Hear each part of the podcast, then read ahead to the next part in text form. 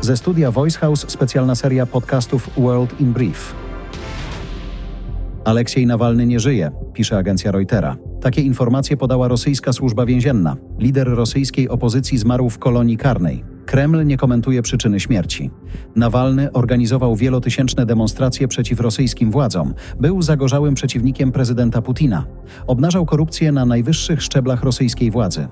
Aresztowano go w 2021 roku. Miał na sobie wyroki na łącznie ponad 30 lat więzienia. Rosja chce umieścić broń atomową w kosmosie. Takie informacje przyszły w tym tygodniu ze Stanów Zjednoczonych.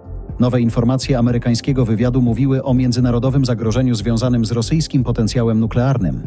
Według mediów z zaoceanu chodzi o możliwość zainstalowania na orbicie Ziemi broni jądrowej, która mogłaby służyć do niszczenia satelitów. Rzecznik Kremla nie chce komentować doniesień, dopóki Biały Dom nie poda szczegółów. Zdaniem strony rosyjskiej to sztuczka Waszyngtonu, która ma skłonić kongres do przekazania pieniędzy na walkę z Rosją. Donald Trump zachęcałby Rosję do ataku na kraje NATO, które za mało wydają na obronność. Były prezydent stwierdził, że jeśli wygra wybory, to nie będzie chronił przed rosyjską agresją sojuszników, którzy przeznaczają na obronność mniej niż 2% PKB. Według stanu na 2022 rok tylko 7 z 31 państw członkowskich wypełniało ten obowiązek. Trump regularnie krytykuje członków NATO, którzy nie wypełniają zobowiązań finansowych wobec sojuszu. Teraz jego dosadna wypowiedź została skrytykowana nie tylko w Białym Domu, ale i w części Partii Republikańskiej. Traktat NATO zawiera zapis, który gwarantuje wzajemną obronę państw członkowskich, jeśli jedno z nich zostanie zaatakowane.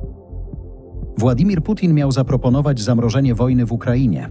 Według źródeł agencji Reutera prezydent Rosji miał wysyłać sygnały do Waszyngtonu, że jest gotowy na zawieszenie broni. Wykorzystał do tego pośredników, w tym partnerów z Bliskiego Wschodu.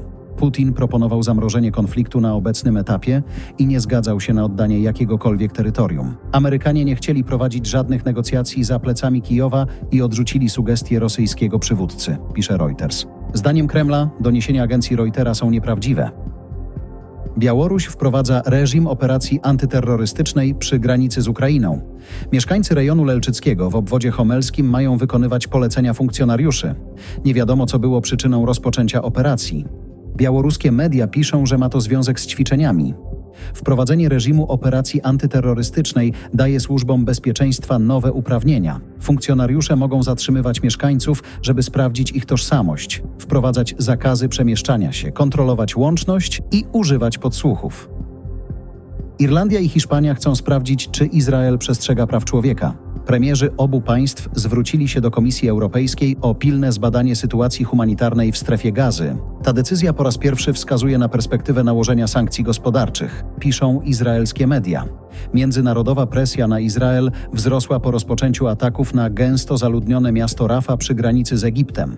To miejsce schronienia ponad miliona Palestyńczyków, którzy uciekli z pozostałych części strefy gazy. Dalsze ataki Izraela na miasto Rafa mogą także doprowadzić do zawieszenia traktatu pokojowego z Egiptem.